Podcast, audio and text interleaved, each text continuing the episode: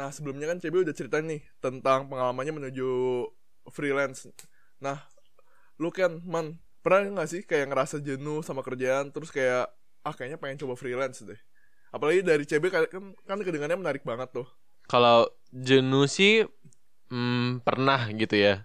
Kalau tanya pernah jenuh sama kerjaan pernah jawabannya. Tapi kalau nyobain freelance nggak nggak sampai kepikiran freelance sih. Cuman kalau kayak mau coba bikin bisnis gitu itu kepikiran. Tapi kalau sampai freelance sih nggak karena ya emang nggak tahu juga mau freelancein apa.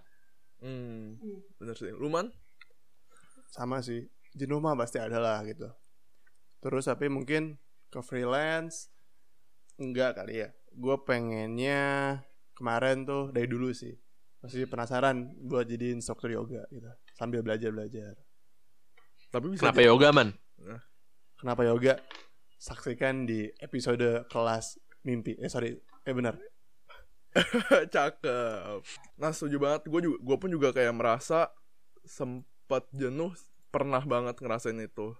Ke freelance mungkin tak belum tahu sih kayak detailnya kayak gimana. Nah mungkin untuk kita cari tahu kira-kira uh, freelance itu ngapain aja, kira-kira kerjaan kayak gimana. Nah mungkin kita bisa langsung nanya ke CB aja. Oke. Eh, gabut. Nggak, nggak deh.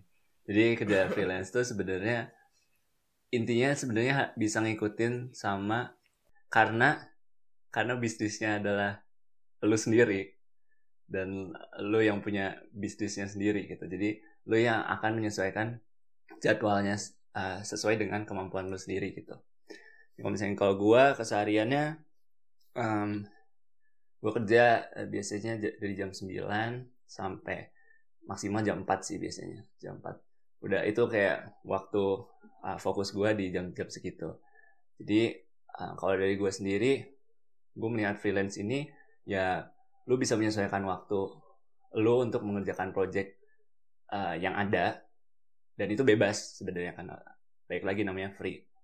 Jadi kalau dibilang sibuk sih ya kalau kalau proyeknya banyak ya lumayan sibuk Cep, kalau kita kalau dari gue sih kayak pengen lebih tahu nih tentang freelance yang lo lakuin kan apakah desain, apakah kreatif? Kalau misalnya emang kreatif gitu ya kayak apa aja sih yang service maybe yang lu keluarin gitu? Apakah ya tadi foto, video, IG, sosial media juga gitu? Atau bahkan ada apa ada apa lagi nggak sih yang lu provide kayak gitu? oke gue termasuk provide campur-campur sih gue desain grafis uh, ada jadi Hmm. mungkin desain grafis untuk kayak uh, uh, di- buat sosial media biasanya desain grafis buat sosial media terus sekarang lagi terjun ke ilustrasi juga ada project kayak bikin kaos dan lain-lain mereka butuh ilustrasinya gitu ada Hmm. Terus untuk foto biasanya gue foto produk. Jadi karena gue freelance di uh, Stark, Stark itu produknya adalah um, leather wallet, jadi dompet kulit. Hmm. Terus uh, itu gue foto produk biasanya tiap bulan ada. Terus um, video, video biasanya kal- kalau tim sih biasanya kebanyakan video tuh non- tim. Jadi harus nge-take videonya terus um, ngedit itu biasanya. Jadi kerjaan gue di seputar seputar itu dan ada juga tambahan kalau di apostrofi gue juga ngerjain jadi sosial media manager. Jadi gue yang upload, gue yang bikin konten sama eh, ya gue juga bikin beberapa kontennya di situ gitu. admin Hmm. lah ya Kalau Ini Mimin, kalau ngomongin apa desain kan pasti itu balik lagi ke subjektif orang masing-masing kan Betul. gaya masing-masing, kesukaan masing-masing. Nah itu kalau di dunia kreatif kan pasti kayak kalau maybe kita buat sebuah desain, eh ternyata usernya nggak suka Hmm. gitu. Nah itu, eh itu struggle-nya sampai segimana sih itu? Atau atau lo udah ketemu ritmenya gitu, maksimal dua kali revisi aja gitu atau gimana sih cara cara di sananya? Iya betul. Jadi uh, baik lagi klien ad- klien adalah raja sebenarnya. Cuma mereka kan minta Hmm. ke kita tergantung nih apakah mereka emang posisinya mereka udah tahu tentang desain dan mereka punya standar dan ekspektasinya mereka atau mereka ya sama sekali belum tahu gitu. Jadi emang banyak tipe klien yang udah gue coba eh, udah gue dapet alhamdulillah gue udah dapet dua-duanya tipe-tipe dua-duanya dan ya struggle-nya di situ sih. Kadang-kadang kayak ini ini menurut gue bagus cuma kalau menurut kalian nggak sesuai ekspektasi atau sebenarnya uh, ya pokoknya nggak cocok lah gitu. Dan akhirnya kita uh, biasanya sih ya kadang-kadang kayak kesel gitu kan kesel untuk eh, ngedit lagi revisi gitu. Cuma baik lagi kan kita butuh eh, butuh untuk hidup kan sebenarnya.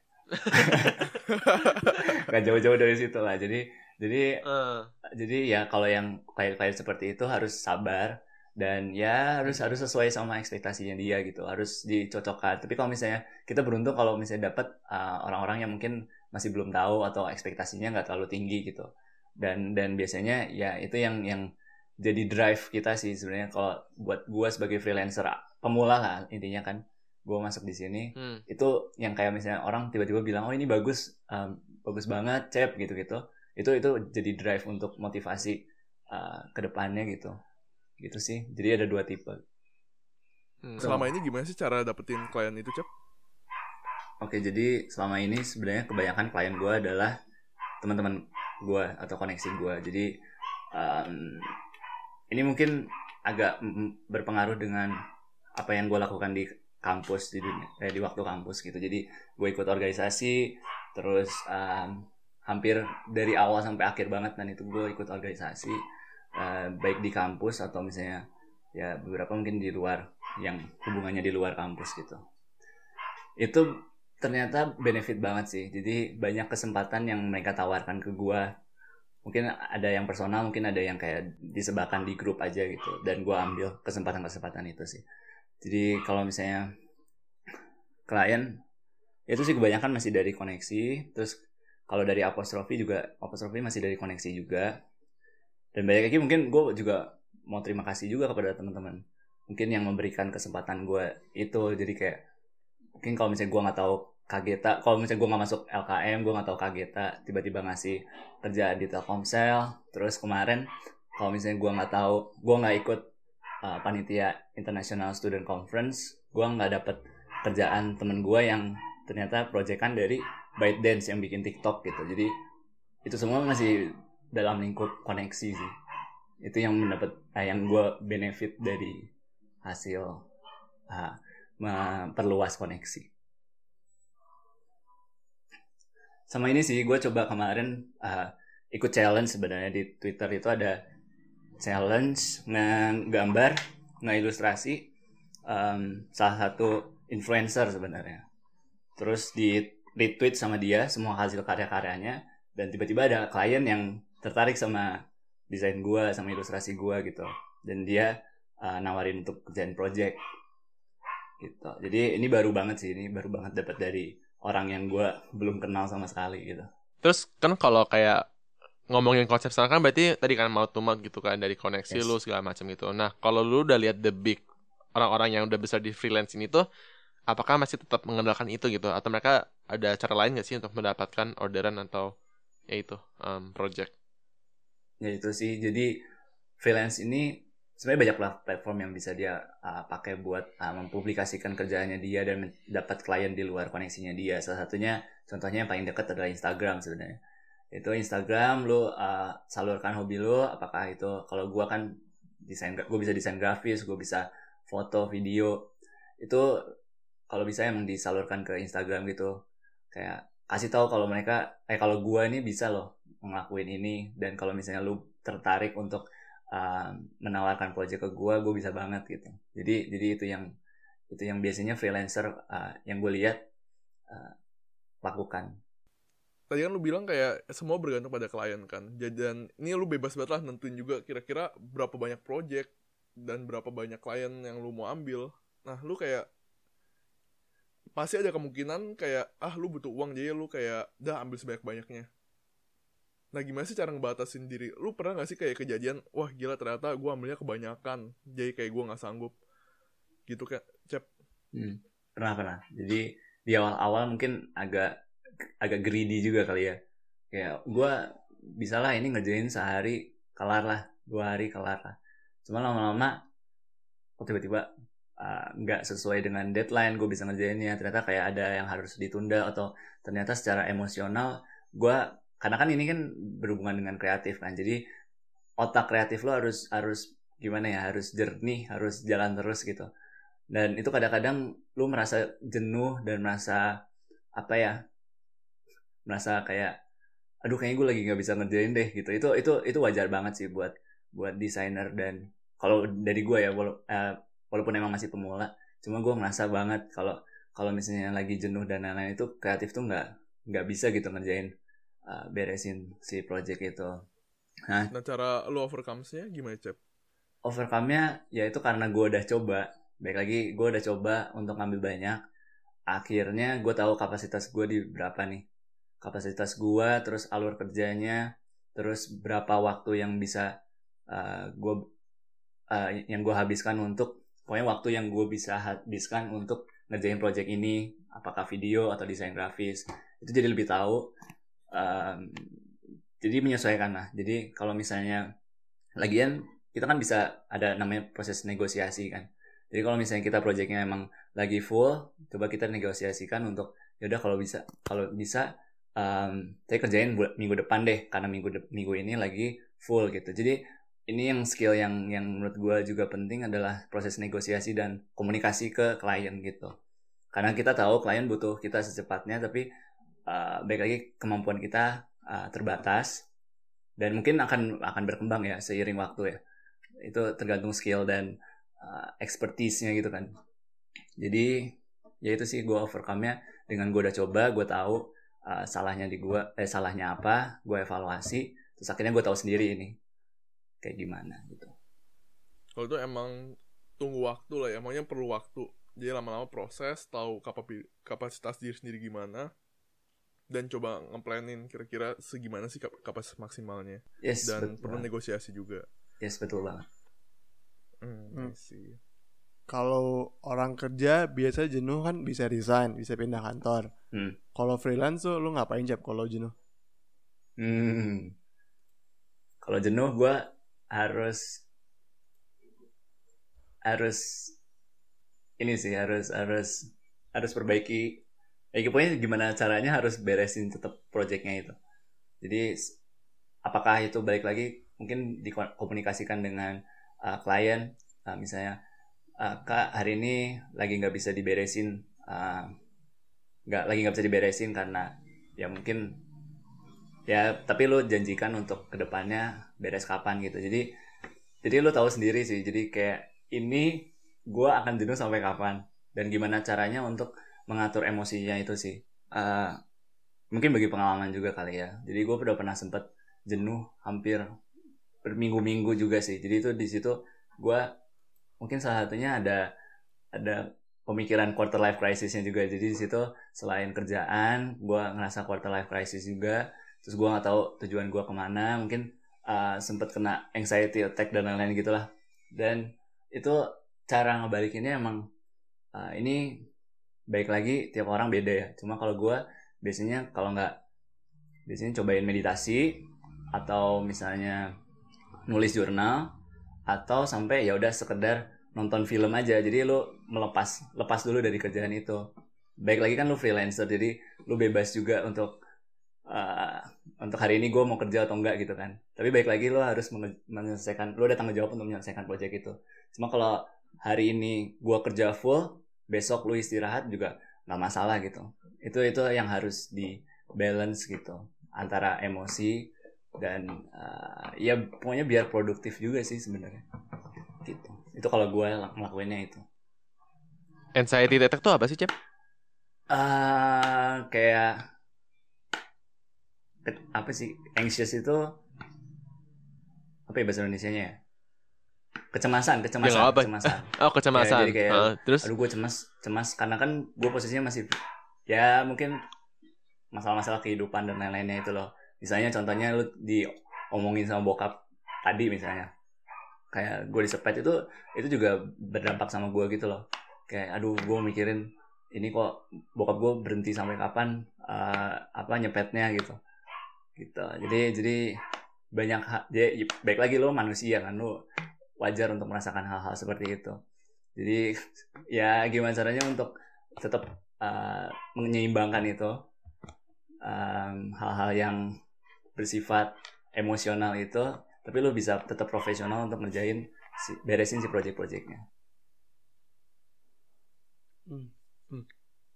Nah tadi ngomongin kerjaan, lo ngomongin naro eh, project-project lo di Instagram. Kalau lo pribadi cara lu nge-marketingin diri lu atau mungkin orang sering bilang personal branding ya. Hmm. Nah, kalau lu gimana, Cep? Um, gue saat ini masih start di Instagram dulu sih. Karena menurut gue, gue pengen coba fokus ke satu dulu aja. uh, nampilin apa yang gue bisa tuh di Instagram karena karena paling mudah gitu. Cuma gue masih belum gembor-gembor banget karena uh, syukurnya gue masih ada koneksi-koneksi yang mereka udah tahu gue bisa ngerjain itu gitu. Gitu sih. Jadi uh, untuk sekarang gue belum fokus banget untuk marketing. Cuma ke depannya gue pengen banget sih untuk uh, upload di namanya kalau misalnya di untuk uh, pekerja kreatif biasanya di Behance itu mereka naruh portofolio portofolionya di situ itu gue pengen banget sih Hmm. mhm. Ya, ya. Berarti yang lu taruh di Instagram lu tuh benar-benar kerjaan lu atau lu pisahin, Cep? Kerjaan lu nggak bakal pernah lu masukin ke Instagram lu. Jadi yang Instagram lu benar-benar bikin khusus konten sendiri. hmm, sebenarnya gue masih belum belum banget um, naruh kerjaan gue di situ sih cuma ya intinya karena gue bisa misalnya gue bisa foto gue bisa ilustrasi gue akan uh, ngepost itu sih. Tapi yang berhubungan dengan diri gue sendiri. Jadi emang emang belum sangat belum ke kerjaan gitu. Belum up gue upload yang kerjaan kerjaan gue gitu. Itu yang biasanya kalau profesional kalau upload uh, portofolio mereka ya di Behance itu salah satunya. Kalau um, idol lu siapa cep di di dalam dunia freelance kreatif ini? Menurut lu kayak oh orang ini yang keren banget gue pengen jadi kayak dia. Itu ada gak sih? Hmm. Um, sebenarnya kalau di Indonesia tuh kemarin gue baru menemukan sih sebenarnya ada namanya Rio Purba. Dia ngajarin skill-skill kalau ternyata dia juga di awal-awal juga uh, freelance gitu dan dia bisa bangun bisnisnya sampai sekarang dan sekarang jadi influencer malah kalau nggak salah sekarang freelance. Jadi dia bikin Hmm. dia masih ngejain ngejain freelance, dia juga jadi YouTuber gitu. Itu salah satu mungkin uh, yang bisa jadi inspirasi gue juga sih. Ternyata di Indonesia uh, hidup freelance itu nggak nggak bisa dipandang sebelah mata lah intinya. Kalau di luar sebenarnya kalau bukan freelancer cuma uh, dia desainer lah intinya di dunia kreatif udah terkenal banget namanya si Chris Chris Du kalau di Instagramnya. Itu itu itu dia berdampak dia melakukan apa yang dia suka uh, terus dia ya dapat duitnya terus uh, di- dia tahu dia sangat jago di situ dan dia berdampak pada masyarakat luas juga gitu. Jadi salah satu inspirasi gua di dunia kreatif dia juga sih. Gitu. Berdampaknya tuh dia share ilmu gitu ya, Yes. share ilmu desainnya gimana share gitu. ilmu dan gue banyak belajar sih dari YouTube-nya dia. Di YouTube-nya dia tuh the Fu- the Hmm. future itu juga. Dia banyak banget. Hmm betul. Betul Kalau dari branding, apa kayak personal branding yang lu bawa, apakah lu juga mengadopsi dari tipe gaya mereka atau gimana, Cep?